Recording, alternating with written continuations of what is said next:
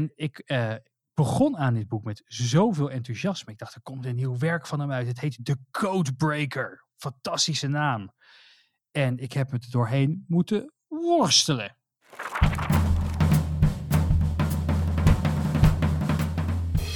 De wereld van businessboeken zijn er boeken die je gelezen moet hebben. Boeken waar iedereen het over heeft. En boeken die je liever laat liggen. Thijs Peters en Remy Gilling gidsen je door de jungle van nieuwe businessboeken. In de Business Books Podcast. Dames en heren, van harte welkom bij de 30ste aflevering van de Business Books podcast van MT Sprout. De podcast die je bijpraat over de beste, de leukste en meest leerzame businessboeken van het moment.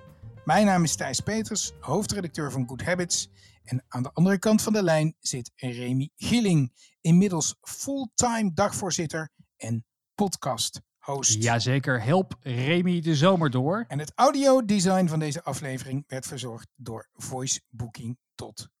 In deze aflevering duiken we onder meer in de geschiedenis van deep learning met het boek Genius Makers. Leren we hoe je je bedrijf op de rit houdt in tijden van crisis met de lessen van de groeiprofessor van Nederland, Justin Jansen. Delen we inzichten uit het oersaaie nieuwe werk van Walter Isaacson over gendermanipulatie. En spreken we met Martin Picard over zijn boek Het Polderkartel. Hoe een handvol bonden en werkgevers de toekomst van alle Nederlandse werknemers bepaalt. En dat was even een gedoetje, hè, Thijs? Eh, een interview regelen. Ze wilden maar niet happen. Ja, als, als iedereen uh, vertelde dat ze geen tijd hadden. Dus, dus ik dacht, nou ja, 20 minuutjes. Ik zei in de avonturen prima, of ik sta wat vroeger op. Hè. Ik regel het wel. Maar nee, pas in juni of juli tijd. Uh, dus Justin, Ongelooflijk. professor Justin, Ja, had ik gezegd, nou, die kon ook pas in juni. Toen hebben we maar besloten, dan gaan we zijn boek nu bespreken. Met, met het risico dat we er wat van vinden, dat hij er zelf minder invloed op heeft. volledig neersabelen nu natuurlijk. Nee, Eh, dat zullen we straks zien. Je verklapt ook alles vandaag. Hè? Eerst al over Isaacson. Maar wat is dit? Maar wat is dit? Krijgen auteurs ineens capsones? Ik bedoel, je moet toch ook promotie maken voor je boek? Dat, dat schrijven is een eitje, maar de promotie, nou daar, dat weet ik uit, alle, uit eerste hand. Daar moet je nou echt, daar moet je nou echt de tijd in gaan steken. Klopt. En ik heb al drie interviews geregeld voor de komende eh, maanden. Dus we zitten voor de voorlopig gebakken. Nee, het heeft iets met COVID te maken. Mensen die zijn nu eh, gewend aan, aan een soort dagen back-to-back in meetings. En, en ze hebben het idee dat ze drukker hebben dan ooit en gefrustreerd zijn. Dus ik zie dat mensen heel erg op hun, bovenop een agenda gaan zitten. Veel meer dan anders. Ik ben echt uitgezeurd. Ik ben uitgezeurd. Hoe was de podcast met Tegelaar? Ja, die was, er- die was erg leuk. Ik zat daar met eh Chao Nguyen, een onderneemster, vooral bezig met social media. En we hebben het boek Ride of a Lifetime besproken. Hadden wij natuurlijk al lang besproken in onze podcast. Ja, zo blijkt maar weer. Het beste hoor je allereerst in de Business Books podcast. Zeker. Eh, maar dan een, Of twee jaar later op BNR. is een goede tweede, BNR. Eh, maar het was wel een leuk gesprek. En ik moet zeggen, het is altijd een, eh, leuk om met Ben erover te praten. En we gaan ook wel dan echt een beetje diep op leiderschap in. Dus ik vond het een, een leuk gesprek. Heb je hem nog gevraagd waarom hij ons gaat beconcurreren? Eet u, Ben, eet u. Eh, ik heb vooral reclame voor ons gemaakt in die podcast. Ik denk eh, Oh, slim. Het is het het Trojaanse paard. helemaal waar. Hij wordt opa, hè Ben? Hij wordt opa. Hartstikke leuk. Opa Ben. We gaan hem wat toesturen. Ga ik regelen. hey, heb je nog wat eh, leuke trainingjes op de planning bij Good Habits? Ja, eh, wel degelijk over ademhalen. Ik zou zeggen dat ik expert ben inmiddels, na 32 jaar. Maar kennelijk nou niet. ja, je hebt natuurlijk die Wim Hof methode die heel erg in is. Hè? Dat, dat, dat je heel lang je adem inhouden en in een ijsbad gaan liggen. Eh, ik geloof dat het ongeveer zo werkt. Eh, maar ook heel veel praktische dingen. Als jij het podium opstapt voordat je een lezing geeft, is het heel verstandig om even heel rustig adem te halen. Vier seconden in, vier seconden je adem inhouden en dan vier seconden rustig uit de adem. En dat doe jij Ah, natuurlijk elke dat- keer als je bij Hans het podium opstapt. Ik moet er een show van gaan maken. Voor, ook, ook vooraf, de Ja, pre-show. dat geeft hem natuurlijk het gevoel dat hij voor een professional betaalt. Dus doe dat. Adem in, adem uit. Ik ga die cursus volgen. En Hans, ik beloof het, volgende keer ga ik als een eh, stier met astma het podium op. Van ademhalen gaan we naar robots met het eerste boek van de aflevering. Genius Makers van Kate Metz. Eh Remy, jij hebt het gelezen. Wat zeggen de recensenten over dit boek? This colorful page turner puts artificial intelligence into a human perspective. Walter Isaacson, auteur van natuurlijk onder meer Steve Jobs, maar ook de Codebreaker, die gaan we aan het eind van de aflevering bespreken. En een andere auteur zegt: Metz delivers the definitive take on how AI technology came to be and what its arrival will mean for us humans. Geschreven door Ashley Vance, New York Times bestselling author van. Elon Musk. Yes, fantastisch boek. Het is overigens een man. Ik dacht dat het En een vrouw dit is was, de def- definitive take. Hierna hoef je niks meer te lezen over AI. Nou, dat zou ik ook weer niet zeggen. Kijk, waar dit boek over gaat, is over de mensen die de revolutie rondom neurale netwerken hebben mogelijk gemaakt. En sommige mensen krijgen gelijk een TIA als ze die term horen, want die denken van, oh jee, nu moet ik een eh, driedubbele master statistiek en, eh, en, eh, geavanceerde wiskunde volgen. Maar het valt heel erg mee. Ik ga het uitleggen. Het wordt ook als deep learning genoemd. Het is eigenlijk sinds 2010 in opkomst en die technologie zorgt ervoor dat AI hele complexe taken kan uitvoeren. Zoals het herkennen van mensen op foto's, een Teslaatje autonoom de snelweg over laten zoeven of terroristische aanslagen kan voorspellen, zoals een bedrijf genaamd Pandora Intelligence doet in Den Bosch. En grappig genoeg is dat die theorie die dit allemaal mogelijk maakt betrekkelijk oud is. De term AI komt ook uit 1956. Maar niet lang daarna bedachten wetenschappers eigenlijk al ehm, dat het misschien wel mogelijk zou zijn om AI de werking van het brein te laten evenaren. Maar in die tijd missen ze eh, data, rekenkracht en een bepaalde wiskundige methode, waardoor een hele lange tijd onder heel veel wetenschappers ook heel veel sceptisch was of dit überhaupt wel mogelijk zou zijn. Nou, in 2010 was dus het kanteljaar.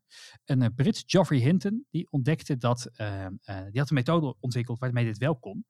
Daarover gepubliceerd. En hij kreeg eigenlijk gelijk van heel veel techgiganten over de hele wereld, kreeg hij, kreeg hij allemaal aanvragen. Die zei van, kom bij ons werken. Dus De Google Apples, hing aan de lijn, Microsoft, Facebook, allemaal, Apple, ja. Microsoft, Baidu, weet je wel. elk bedrijf met een, met, met een paar miljard of triljard achter zijn naam, die stond, uh, die stond uh, aan te bellen. Maar die Joffrey, die dacht ook van, of Joff wordt hij ook al genoemd, die dacht, ja, ik kan mezelf wel laten inhuren voor een paar ton per jaar. En dat is leuk, maar ik kan ook een bedrijf starten en de IP gewoon mee verkopen. En dan heb ik uiteindelijk hou ik er veel meer aan over. Dus wat, uh, hij, hij is afgevlogen naar een of andere AI-conferentie uh, en liet daar alle partijen die geïnteresseerd waren in zijn technologie bieden op zijn start-up die een paar weken oud was. Uh, samen met drie of vier onderzoekers. En um, nou, er begon dus een hele, hele bidding war. Maar de bidding war ging via Gmail. dus ze moesten een mailtje sturen met, nou, mijn bot is dit en dit. En uh, ja, de Microsofts en de Baidu's en de Facebooks waren daar helemaal niet blij mee. Want die zeiden, ja, Google kan Die leest gewoon mee, mee met de andere biedingen ja. natuurlijk. Nou, was een storm met een glas water. Uiteindelijk is Dus al... wie heeft gewonnen? Ja, ja Google. Een heel veilig biedingssysteem. Ja, ja nee, maar, maar uh, dat is niet helemaal waar. Want Baidu die heeft, uh, had, uh, dat Chinese Google, die had het, het hoogste bod. Maar die Joff die heeft een rugprobleem, dus hij kan eigenlijk niet vliegen. Als hij vliegt, dan moet hij altijd moet hij liggen. Dus hij kan eigenlijk alleen maar vliegen als je privé het voor hem afhuurt. Mocht je hem een keer willen inhuren voor Good Habits, dan weet je dat. Maar hij dacht ook van ja, als ik elke keer die oceaan over moet, het is helemaal niet relaxed. Dus ik kan beter gewoon uh, in mijn achtertuin blijven spelen. En uiteindelijk hè, 44 miljoen voor Google. Echt een appel en een ei wat ze uiteindelijk voor DeepMind hebben ja, betaald. want dat is DeepMind geworden? Ja, DeepMind was natuurlijk dat bedrijf uit, uh, uit Londen. En, waar, en die zijn heel erg bekend geworden met dat spel AlphaGo. Dat, uh, dat, dat, ze hebben uiteindelijk een computersysteem ontwikkeld wat, wat het, het, het spel Go uh, kon evenaren. Een spel wat uh, meer zetten heeft dan het aantal atomen in het bekende universum. Wordt het oh, maar die genoemd. technologieën zijn niet verwant? Of dat zijn niet dezelfde, de tweezelfde? Ja, het is hetzelfde. Is het, de, de, de, de, ze zullen het iets anders hebben ingericht, maar ze doen allemaal hetzelfde. En ja, weet je, voor Google is het gewoon, uh, we, we leggen gewoon het meeste geld neer voor de beste bedrijven. En uiteindelijk hebben ze, denk iets van een paar honderd miljoen betaald voor Deep, DeepMind. Maar dat hebben ze ook gelijk terugverdiend. Niet zozeer door dat spelletje wat ze hebben gewonnen van de grootmeesters ter wereld. Maar wel omdat ze die technologie hebben toegepast op uh, de datacenters. Dus ze hebben uh, deep learning toegepast op het stroomverbruik en de koeling van datacenters. Die wist dat veel slimmer te doen, uh, in te regelen dan mensen dat hadden kunnen, voor, voor, hadden kunnen bedenken. En daarmee besparen ze nu een paar miljard op jaarbasis. Dus het was een goede investering. Ja, en, en, en, Google kon natuurlijk, ze hadden niet voor niks een Aziatisch spel genomen. Dan konden ze natuurlijk goede sier maken in China. Ja, en dat was ook wel leuk. Uh, die, uh, de, de China, hè, dat, daar is Go ongeveer het, de volkssport nummer één. Het is, het is groot heiligdom daar. Dus dat een computer daar van de grootmeesters wint, ja, dat, dat, dat kon er in de eerste instantie niet in. Dus toen ze zagen dat dat, dat systeem van de grootmeester in Korea had gewonnen. Dat, dat is het bekende voorbeeld. Toen, toen zijn ze ook uh, als een malle met z'n allen op AI gaan duiken. Echt, de, overheid heeft, heeft er miljarden ingepompt. En toen, een jaar of twee later, kwamen ze ook in China aan om het spel tegen een Chinese grootmeester te spelen. En Eric Schmidt, de grote man van Google, kwam mee. En die kwam eventjes naar de Chinezen vertellen dat ze maar eh, technologie van Google moesten gebruiken. Want zij hadden toch wel echt het, eh, het, mooiste spul in, eh, in huis. Maar ja, de Chinezen waren eigenlijk al lang verder. Dus die hebben hem een beetje laten lullen. En dachten van, nou, hetzelfde wel, meneer Schmidt. Wij, eh, wij, wij, wij eh, onder de radar innoveren wij lekker door. Aha, en ja, en inmiddels zijn ze ook gewoon verder, hè? Ja, dat was ook te lezen in dat boek eh, AI Superpowers van Kai Fu Lee, die we een paar afleveringen geleden hebben besproken. De strijd tussen, Euro- eh, tussen, tussen China en Amerika. Europa wordt niet eens meer genoemd.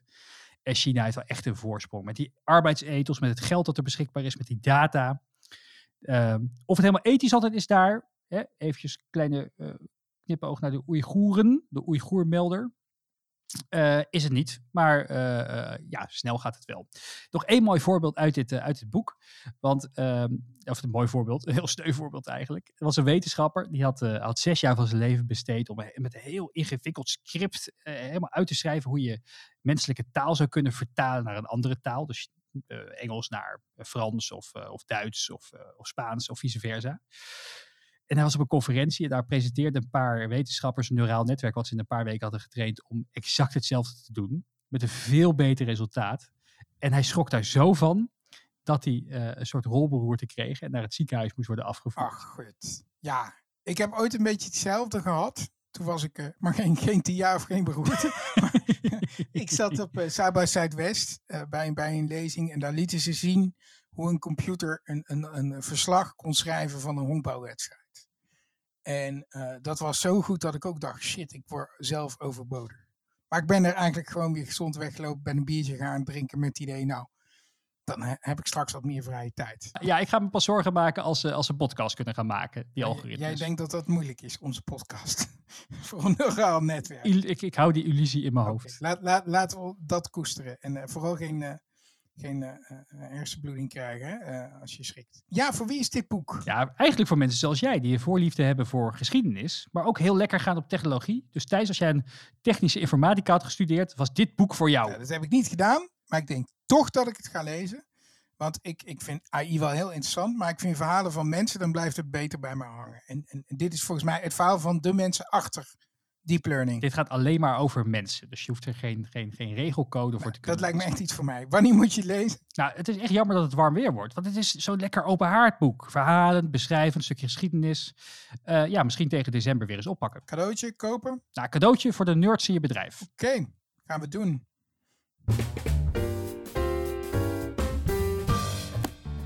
Dan gaan we door naar het tweede boek, naar een gezond bedrijf in vijf stappen. Justin Jansen en Tom Mom. Leuke naam. Thijs, wat zeggen de recensenten? Dit boek nodigt je uit om nieuwe groeipaden te ontdekken voor je bedrijf. In een wereld die steeds verandert, is dat van het grootste belang. Colette Kloosterman van Eert, Chief Customer Officer van Jumbo. Ja, en, en familie, tel van de familie. Ja, zeker. Van Eert hè, is dat tweede, tweede naam. En haar man is de, de man achter Rituals. Ja, ik heb ook wel eens... ze is een echt leuke vrouw. Een keer geïnterviewd voor MT in het verleden. Eh, maar er zijn meer mensen lovend over dit boek. Gezond groeien is een must voor ieder bedrijf. Het boek maakt de essentie daarvan in vijf stappen heel helder en uitvoerbaar. Hugo de Koning, oprichter van Young Capital. Ja, en eh, eh, ook tevens te horen in de eerste en enigste en laatste Clubhouse sessie van de Business Books podcast. Ja, geven we het alweer op? Ik vond het wel erg leuk. Het was superleuk, maar voor mij is het wel heel snel doodgestorven, toch? Die, eh, Dat Clubhouse, hè? je hoort er niet meer zoveel.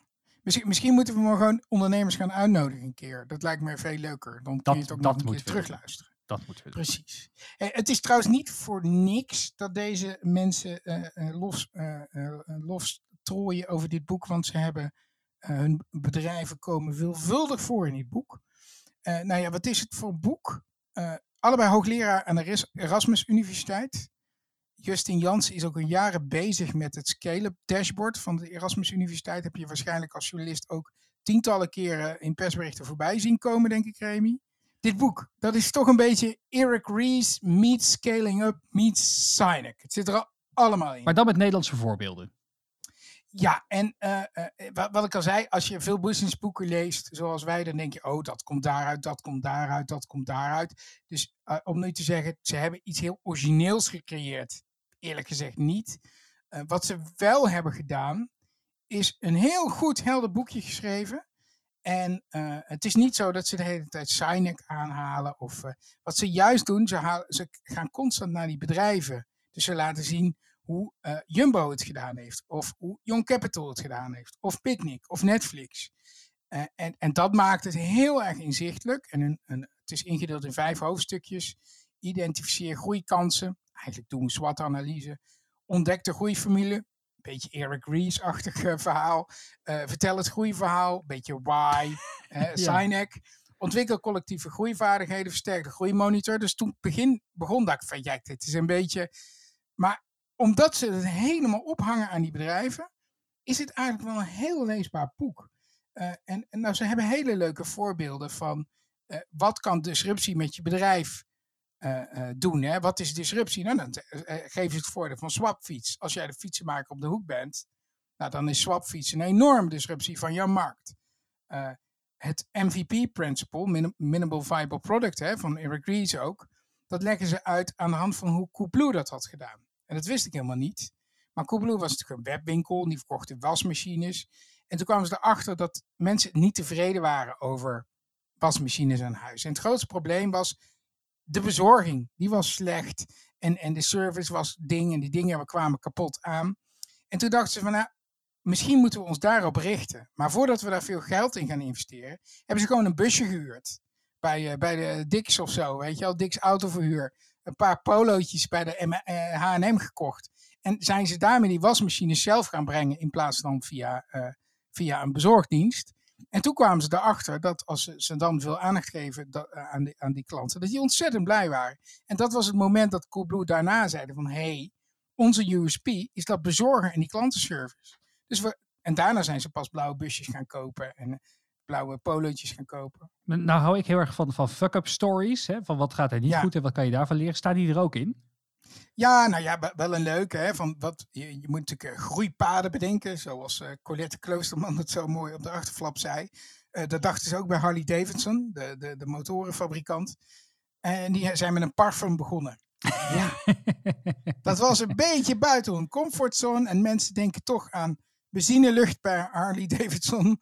Dus ja, dat, dat, dat is het dan niet geworden. Succes ah, geworden. Ja, nee, dus, uh, en, en zo zitten er heel veel uh, leuke dingen in. Ook van als je dan je inzet op een bepaald iets, bijvoorbeeld uh, op je formule, is het moeilijk of makkelijk te, te kopiëren. Hè? Ook onderdeel van de SWOT-analyse. En dan nemen ze takeaway.com als, als voorbeeld. Hoe doen die? Ja, die verzamelen heel veel data over, over restaurants en over bestellingen, waardoor, waardoor restaurants heel fijn weten van ja, op maandag hoef ik maar voor 20 pizza's in te kopen en op vrijdag voor 200. Waardoor ze graag met takeaway uh, uh, uh, werken. En klanten gaan graag, graag bij takeaway of bij thuisbezorgd dan. Daar hebben ze een voorkeur voor, want ze weten dat er altijd voedsel is en dat ze geen nevenkort krijgen. En, en, en naarmate die databerg groter wordt, word je moeilijker te, te kopiëren door je concurrenten.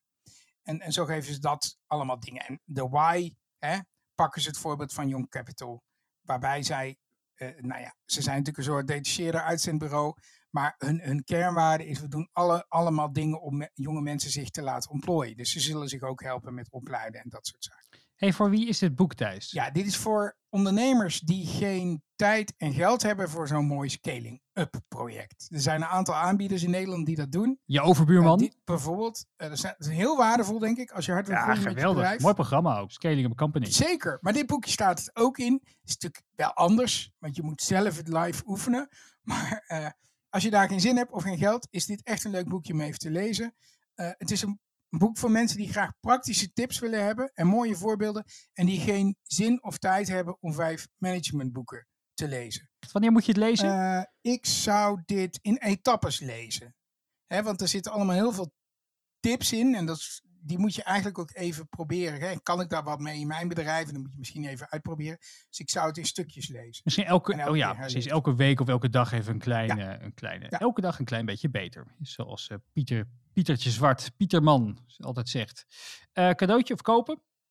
Ja, dit moet je kopen, want uh, dit geef je niet cadeau. De cover is echt foei lelijk. Nou, toch en even laten zien. Ja. Dat hebben de lezers niet uit, maar beschrijf even wat we hier zien. Ja, dit is, dit is heel veel letters met een paar kleuren door elkaar heen en vier fonts. En nee, dit is niks. Nee, dat is echt Nee, niks. hè? Nee, Ja, Dat dit- kun je niet cadeau geven. Terwijl het wel, terwijl het wel een goed boekje ja, dat is wel jammer, inderdaad. Ik vind, ik vind, Ja. ik vind de titel ook oerzaai. Ik vind jou Eric Ries meets Scaling Up meets Sinek eigenlijk nog beter. Ja, maar dan krijg je een rechtszaak aan je broek, denk ik. Ja, weet je, eh, no such thing as bad publicity. Dan gaan we door naar het derde boek. Een interview met eh, Martin Picard over zijn boek Het Polderkartel. En Thijs, jij sprak met Ja, hem. hij is de man achter het alternatief voor de vakbond. Ben jij lid van een vakbond, Remy, trouwens? Ken je mij, Thijs? Ja, ik ken jou een beetje. Nou, vakbonden, daar is Martin niet echt de grootste fan van. Wat, wat is volgens jou de schade van dit systeem? Het, het, voor, voor de flexwerkers is het misschien wel duidelijk, hè? het gebrek aan rechten. En, eh, eh, eh, maar misschien ook de, de, de collateral damage hieraan. Wat, wat, he- heeft de Nederlandse economie ook echt last van, van dit hele stelsel? Ja, ik denk dat de economie er wel last van heeft. Um, vorig jaar kwam het rapport uit van de commissie Borslab. Die heeft hier uitgebreid onderzoek naar gedaan. Dat is door de, door de overheid ingestelde commissie. En die kwamen tot, de conclusie dat dit systeem uh, maatschappelijk schadelijk is, sociaal schadelijk en economisch schadelijk. Dus, dus echt op, op, ja, op heel veel vlakken heeft dat schade gebracht. Mensen die um, heel lang op flexbaantjes moeten blijven werken, daardoor geen sociale zekerheid hebben. Uh, van de ene op de andere dag hun baan kunnen verliezen. Dus ook geen huis kunnen kopen, heel lang thuis moeten blijven wonen bij hun ouders. het krijgen van kinderen en gezinsvorming uitstellen. Ja, dat is nogal wat. Een van je hoofdstukken heet Het, het Grijze Pretpark. Prachtig, prachtige titel. Kun, kun je uitleggen wat je daar precies mee bedoelt? Het is eigenlijk een andere manier om te zeggen dat we het beste pensioenstelsel ter wereld hebben. Althans, dat wordt vaak gezegd. Ik zeg er dan altijd bij van ja, voor de huidige gepensioneerden. Eigenlijk de, de, de gepensioneerden ook een hele grote stem hebben bij die, bij die bonden, of in ieder geval gehad. Uh, die zitten altijd aan tafel. Uh, en ik was ook al een beetje geschokt door wat je, uh, nou ja, je, je, je, beschrijft ook een aantal staaltjes machtsmisbruik van de vakbond eigenlijk. Uh, kun, kun, je daar een paar voorbeelden uit je boek van noemen? ze hebben een positie, met name de FNV als grootste. Um, en dat zit hem met name in zogeheten sociale fondsen. Dus de polder die werd misschien 100 jaar geleden grotendeels betaald uit contributies van leden. Nou, dat is in de afgelopen 100 jaar heel erg veranderd. Um, vanwege die dalende ledenaantallen uh, zijn bonden gedwongen geweest andere inkomensstromen te zoeken. En die komen meestal uit het zogeheten sectorfonds of sociale fonds ook wel genoemd. Daar zitten de bonden en de werkgevers samen in het bestuur. En um, in veel van die fondsen zitten dan twee of drie vakbonden. Vaak FNV met CNV en soms de Unie. En um, ja, een vakbond of een, een, werkgever heeft eigenlijk maar één vakbond nodig om een CAO mee te sluiten. Dus dat, en hoewel vakbonden natuurlijk altijd, dat doen wij trouwens ook, proberen met gezamenlijk op te trekken als vakbond. Ja, komt soms op het punt dat je zegt, ja, jullie gaan linksaf, wij gaan rechtsaf. Um, en uh, ja, dan, dan doet er misschien één bond niet, niet mee met een CAO als dat dreigt te gebeuren, dan uh, zet FNV vaak die andere bonden onder druk. Door te zeggen, ja, maar dan krijgen jullie gewoon geen geld uit het sectorfonds. En omdat ze zo'n ja, doorslaggevende stem hebben vaak in die fondsen, gebeurt het nogal eens dat de andere bonden ja, wijken voor die druk. Dat veel van onze luisteraars zijn ondernemers ook. Ik denk dat die ook wel blij zouden zijn als het systeem een keer op de schop gaat. zeker kleinere ondernemers. Ja, dat is, uh, dat is ook één punt dat er uh, in het huidige systeem is ook heel weinig, er zijn heel weinig mogelijkheden voor maatwerk voor ondernemers. Hè. Het, is, het is vrij rigide. CAO's zijn doorgaans behoorlijk dik, dus helemaal dichtgetimmerd. En die gelden dan voor een hele sector. Um, en misschien is dat voor de meerderheid van de bedrijven prima, maar er zijn er ook veel en tegenwoordig steeds meer met, met, een, een dynamische economie. Steeds meer bedrijven waar dat wringt. En ik geef ook een voorbeeld van de zogeheten opvoedpolie in mijn boek, waar de, ja, die onder een CAO vielen, waar ze eigenlijk niet uit de voeten konden. Uh, de opvoedpolie zelf die werd de hemel ingeprezen door, de, door het kabinet vanwege zijn vernieuwende werkwijze. Het kabinet zei zelfs expliciet erbij van ja, die hebben eigenlijk andere regels en meer regelruimte nodig. Nou, dan hebben wij dat vervolgens uh, voor elkaar gekregen in een CAO, met heel veel draagvlak onder de werknemers. Maar het systeem is zo rigide dat je dan eerst aan de, aan de minister moet vragen of je dat wel mag doen. Nou, en dan zegt de minister gewoon nee, omdat de andere partijen het niet willen. Misschien ook nog wel een voorbeeldje van het machtsmisbruik van de, van de traditionele partijen. En daar hebben inderdaad ondernemers kunnen daar behoorlijk veel last van hebben, want die kunnen dan volgens niet de, de werkwijze hanteren die voor het bedrijf het meest uh, passend is. Dan gaan we naar het vierde boek. Walter Isaacson, de Codebreaker.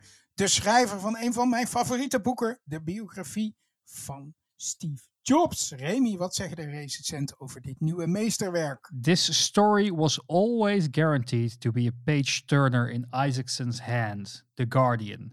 En the Codebreaker's confident cinematic style makes CRISPR available like never before, taking readers on a journey that is exciting as well as ethically treacherous. The Financial Times. Het klinkt als een boek wat ik moet lezen, maar ik, jij bent een ietsje minder enthousiast. Oh man, ja, wat je al zegt, Walter Isaacson is een van mijn favoriete auteurs aller tijden. Hij is een, een, een held na het boek van Jobs. Hij heeft een prachtig boek geschreven over The Inventors, over, uh, over, over, over Leonardo da Vinci. Bij DiCaprio zeggen, Leonardo da Vinci. En ik, uh, begon aan dit boek met zoveel enthousiasme. Ik dacht, er komt een nieuw werk van hem uit. Het heet The Codebreaker. Fantastische naam. En ik heb me er doorheen moeten worstelen. Ja, was het echt zo zwaar? Ja, ik vond het heel lastig. Het gaat over um, Jennifer Doudna, een Amerikaanse wetenschapper die uh, de Nobelprijs heeft gewonnen voor haar onderzoek naar CRISPR-Cas. Uh, dat is die methodiek om genen te kunnen aanpassen. Je kunt als het ware een heel specifiek onderdeel in je DNA opzoeken, eruit knippen en weer iets nieuws tussen zetten. Zo om bijvoorbeeld ziektes op te lossen. Of uh, uh, je kinderen, uh, je, je, toekomstige kinderen een andere kleur ogen te geven voordat ze geboren zijn. Um, in dit verhaal, dit boek vertelt dus het verhaal hoe dat tot stand is gekomen, die technologie. En welke wetenschappers hier erg in voorop liepen. En daar gaat ook een beetje een mank. Want die doet nou, die was zeker niet de enige. maar dit verhaal, omdat ze die Nobelprijs heeft gewonnen, probeert het heel erg haar op een voetstuk te zetten. Wat op zich, ze heeft ook heel erg veel betekend ervoor, dus dat is niet zo erg. Maar het probeert een beetje haar in het daglicht te zetten als de grootheid die moet vechten tegen allemaal andere mensen die ook voor dezelfde eer proberen te strijden. En dat voelt een beetje gemaakt. Het, is, het, het, het gaat in het begin heel kort over, over, over, over, over haar leven, over hoe, over, over hoe ze als, als klein meisje was. Nou, dat is oké. Het is niet super spannend, want ze is niet zo bekend als een Jobs of een, of een, of een, um, of een, of een Da Vinci. Uh, dus dat, dat, dat voelt ook een beetje plichtmatig. Dan gaat het even kort over die uh, technologie. Met nog een klein uh, minuscuul bijrolletje voor een Ruud Jansen uit Utrecht. Die de naam CRISPR heeft bedacht. Wat staat voor Clustered Regularly Interspaced Short Palindromic. Palindromic. Palindromic Dromic Repeats. Lastige naam. Maar je krijgt er bijna... Oké. Okay. Uh, nou, uh. en vervolgens gaat het dus over hoe doet naar haar interesse erin is gegroeid en hoe ze van universiteit naar universiteit is gegaan, zich heeft ontwikkeld om, om hierin te specialiseren. Maar ondertussen gaan er ook gewoon wereld, in heel veel, zeker in Amerika, zijn er heel veel professoren en wetenschappers en onderzoekers hiermee bezig. En die worden nu een beetje als de villains uh, afgebeeld. En ik denk dat dat niet helemaal terecht is. Ik denk dat hij um, in zijn fascinatie voor haar er een beetje in is doorgeslagen. En ja, dit boek is gewoon 560 pagina's. En als, als je gewend bent aan fantastische eh, corporate thrillers zoals Bad Blood en uh, als A Billion Dollar Whale, dan is dit een hele saaie vertaling van iets wat helemaal niet zo spannend is eigenlijk. Maar is, is, is deze dame niet gewoon, je, je kunt ook niet briljante boeken schrijven over mensen waar wel veel over te vertellen was. Hè? Edison was een aardige biografie, maar ook te lang en te ingewikkeld.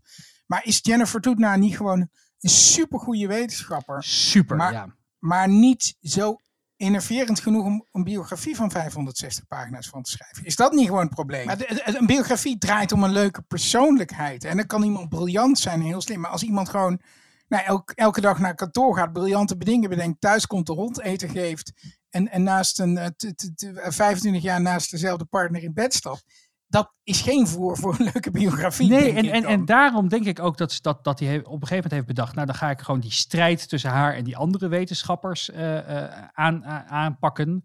En er komt nog een klein IPO'tje in voor. En ze is dan niet blij om daar te werken. En dan gaat ze toch weer terug naar de wetenschap. En het voelt allemaal heel geknutseld. Zeker in 560 pagina's. Het had echt in een paar pagina's had je dit kunnen afwerken.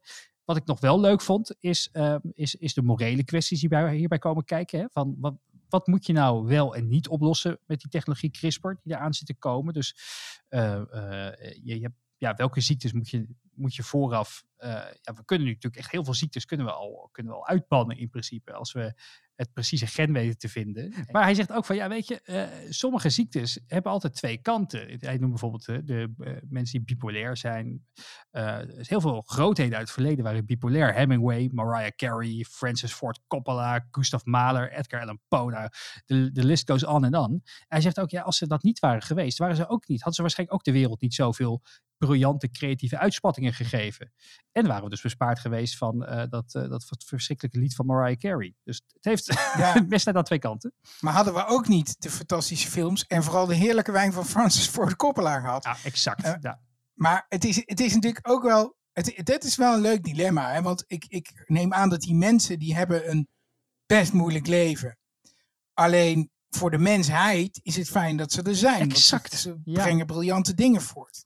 Dus dat, dat is heel lastig. Op een gegeven moment, uh, het wordt ook als Pandora's box genoemd. Van als er eenmaal is, dan komen er designer baby's aan. Want als, als wij het niet doen, dan uh, is er vast wel een of ander land waar dat straks wel legaal wordt. Je had op een gegeven moment had je een arts in China, die had twee CRISPR baby's uh, gemaakt dus in, China is een groot probleem van HIV onder, onder heel veel mensen. Dat wist ik niet. Maar, uh, en die had dus gezorgd dat die, dat die baby's uh, HIV-resistent waren. Dus die ouders hadden dat wel en die kinderen hadden dat niet. Nou, dat, je zou zeggen, dat is fantastisch natuurlijk voor die kids. Ja, maar daar was veel verzet tegen. Ja, en die man is ook vier jaar, moest hij de bak in vervolgens. En uh, dat, dat, is nog wel een spannend stukje. Want hij, hij, hij, spreekt op dan een conferentie daar en hij wil niet spreken. Want hij, hij is bang voor de gevolgen. Nou, dat bleek ook wel terecht.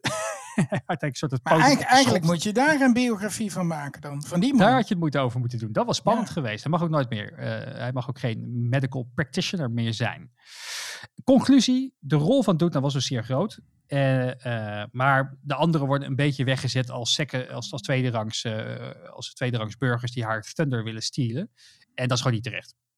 Voor wie is dit boek? Mensen uit de wetenschap of gewoon met een grote voorliefde voor de wetenschap, biologie en vooruitgang. Wanneer moet je het lezen? Uh, nou, wat ik wil meegeven is neem bijvoorbeeld de tijd. Want als je hier gaat beginnen, heb je de komende maand of maanden geen tijd voor, iets, uh, voor een ander boek. Cadeautje verkopen? Nou, de cover is prachtig. Het is echt de aanwinst voor je boekenkast. Dus misschien moet je het gewoon kopen om hoog intellectueel over te komen op je vrienden. Kijk. Dat is in coronatijd helemaal niet belangrijk. Ja. Niemand, niemand komt thuis.